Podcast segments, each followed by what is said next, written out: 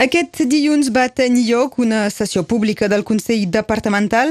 Va ser la, la primera a la seu física situada al, al Borral Sadi Carnot després de dues sessions telemàtiques.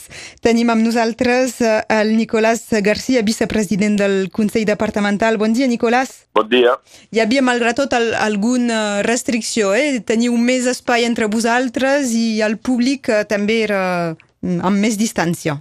Sí, sí, era, hem, hem previst de, de protegir tothom i que de respectar els gestos a barrera i la distanciació física. Però fa bé sí. de reprendre una vida normal, entre cometes? Sí, no, és, és veritat que bueno, tot això del telemàtic eh, va haver un moment, però la gent s'han de veure, tocar, en fi, tocar no, però s'han de veure a casa, sentir que, que ets aquí, a més a més, eh, a, a més a més quan fas política i que, que tens debats, eh, tens ganes de tenir la gent enfrente i de veure la, la, la, la cara de la gent, eh, les mímiques que fan, és, és important, és important.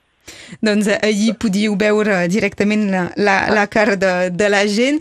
Entre els temes eh, a l'ordre del dia que, que destacarem, hi haurà, per, hi ha, per exemple, eh, la tempesta Glòria, els danys que va provocar, era, va, va ser al, al finals del mes de, de gener i amb, amb tot el que ha passat, potser que eh, també uns quants municipis ara se troben amb, amb problemes encara de, deguts a aquests danys.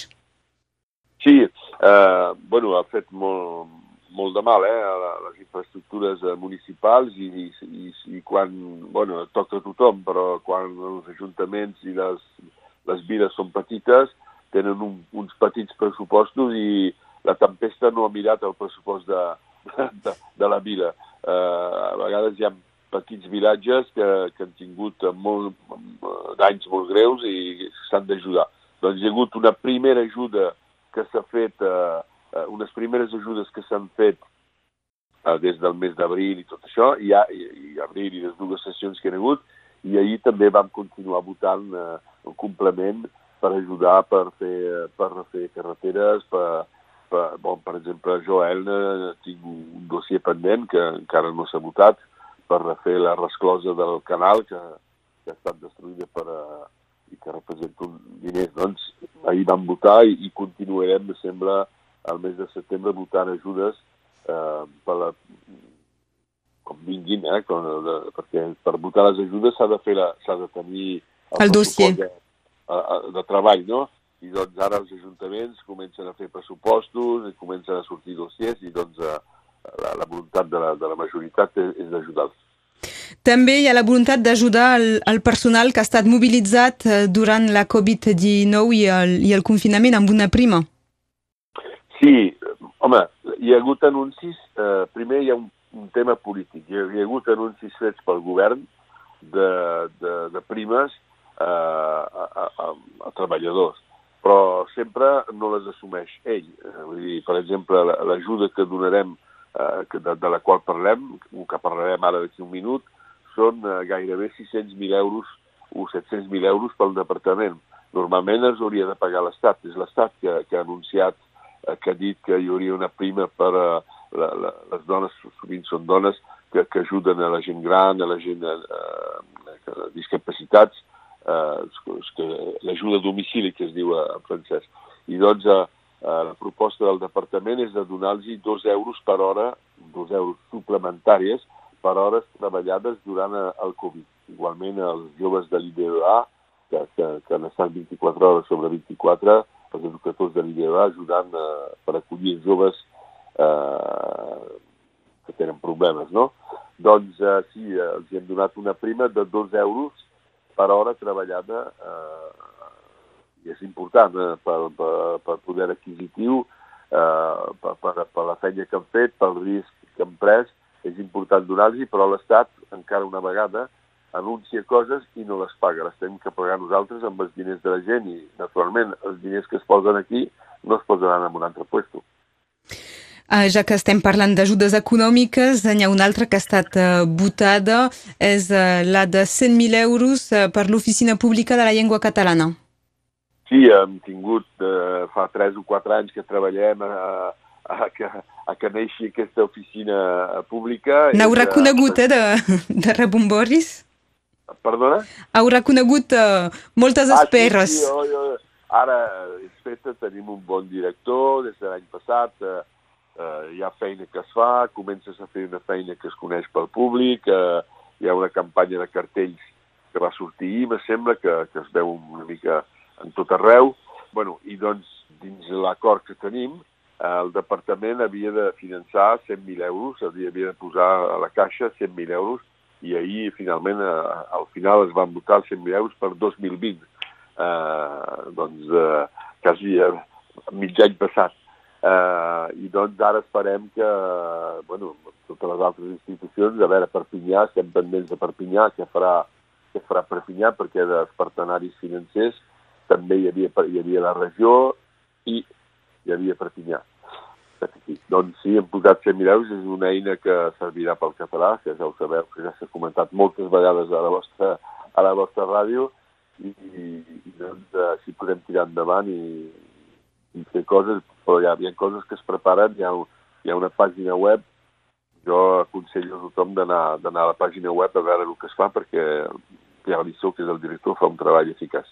Ja que parlem de l'OPLC, aquesta oficina pública de la llengua catalana i, uh, i de la, la participació de l'Ajuntament de Perpinyà, fins ara la seva representant era Anabel Brunet i us va sorprendre ahir amb una demanda que, de, de continuar poder formant part uh, d'aquesta entitat. Sí, l'Anabel Brunet uh, va, va intervenir ahir a la, a la sessió, que també és consellera departamental, i naturalment uh, tothom tothom coneix, eh, més enllà de les diferències polítiques que, que pot tenir l'Anna Brunet amb nosaltres, eh, però tothom coneix la, la tasca que ha fet pel català a Perpinyà i també a, al departament i, i que ha sigut una de les, eh, una, una de les eh, més motivades perquè avanci l'OPLC, eh, l'Oficina Pública de la Llengua Catalana, i ahir va demanar a, a poder continuar a, a participar a l'Oficina Pública de la Llengua Catalana però fer eh, amb, amb l'Ajuntament de Perpinyà, perquè l'Ajuntament de Perpinyà no la designarà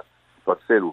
Llavors va demanar a veure si la majoria del departament li podia deixar una mica de puesto, els quatre representants que té el departament, eh, si li podien deixar una mica de lloc per participar a, l'OPNC. Com va ser una pregunta que no estava preparada, que no, no, no, no ens hi esperàvem, bueno, la presidenta ha dit que examinaríem la, la cosa ràpidament. Nicolás García és vicepresident del Consell Departamental i encarregat eh, de l'aigua i la gestió de, de l'aigua i precisament una altra de les qüestions és el rellançament de l'economia de les centrals hidràuliques i la, i la seva producció gràcies a una decisió de, de justícia. Sí, feia molt... El 2015 vam obrir una central hidròlica al baratge, de, al, al pantà de Caramany. I doncs, eh, bueno, el, sistema era quan, quan el pantà deixa anar aigua, no, no pas fer la central hidròlica per fer-la, no? Però quan el pantà deixa aigua, pues, turbinar, com se diu eh, eh, tècnicament, eh, per fer elect electricitat.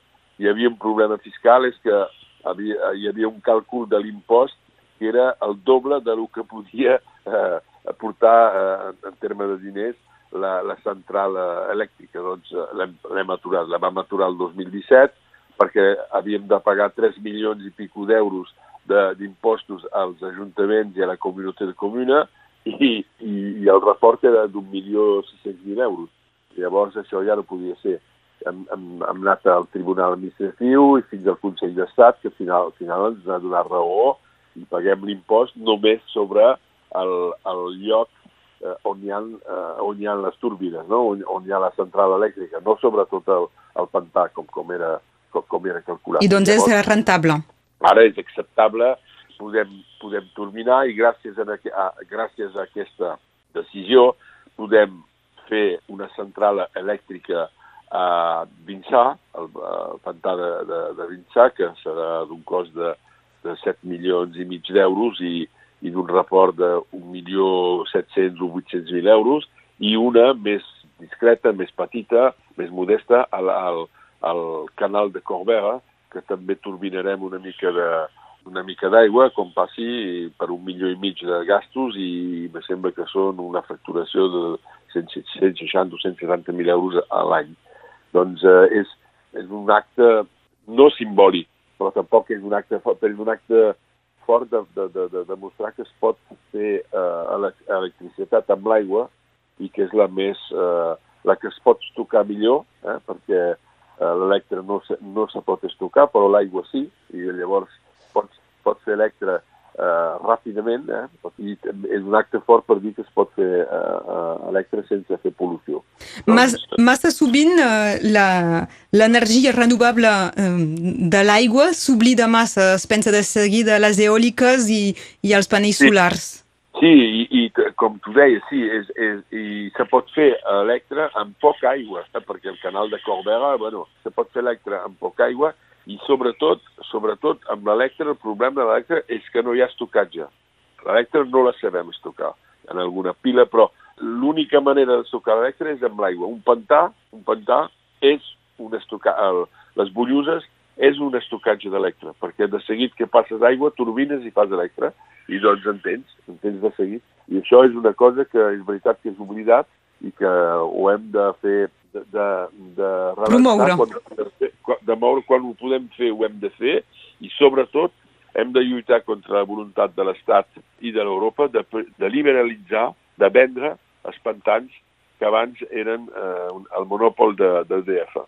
Perquè això és, és, ja veuràs que quan seran tots privats, tots comprats tots liberalitzats, llavors sí que potser se farà Electra, però que molt cara, molt cara. En tot cas, eh, avui volíem parlar d'aquests dossiers, alguns d'aquests eh, dossiers que es van tractar a la sessió pública del Consell Departamental eh, del dilluns 20 de, de juliol. N'hem parlat amb el Nicolás Garcia, vicepresident del Consell Departamental. Al mes d'agost hi ha la pausa estiuenca i us retrobareu al setembre. Sí, a setembre. Nosaltres no tenim pausa, eh, perquè els ajuntaments... Ja ho sé, ja ho sé. Acabem de ser elegits i l'agost serà dedicat a l'Ajuntament. De totes maneres, hi ha el Covid per tot arreu, eh? ens quedarem aquí i ja està, a casa nostra. Moltes gràcies, Nicolás García. Bon dia. Adéu, adéu.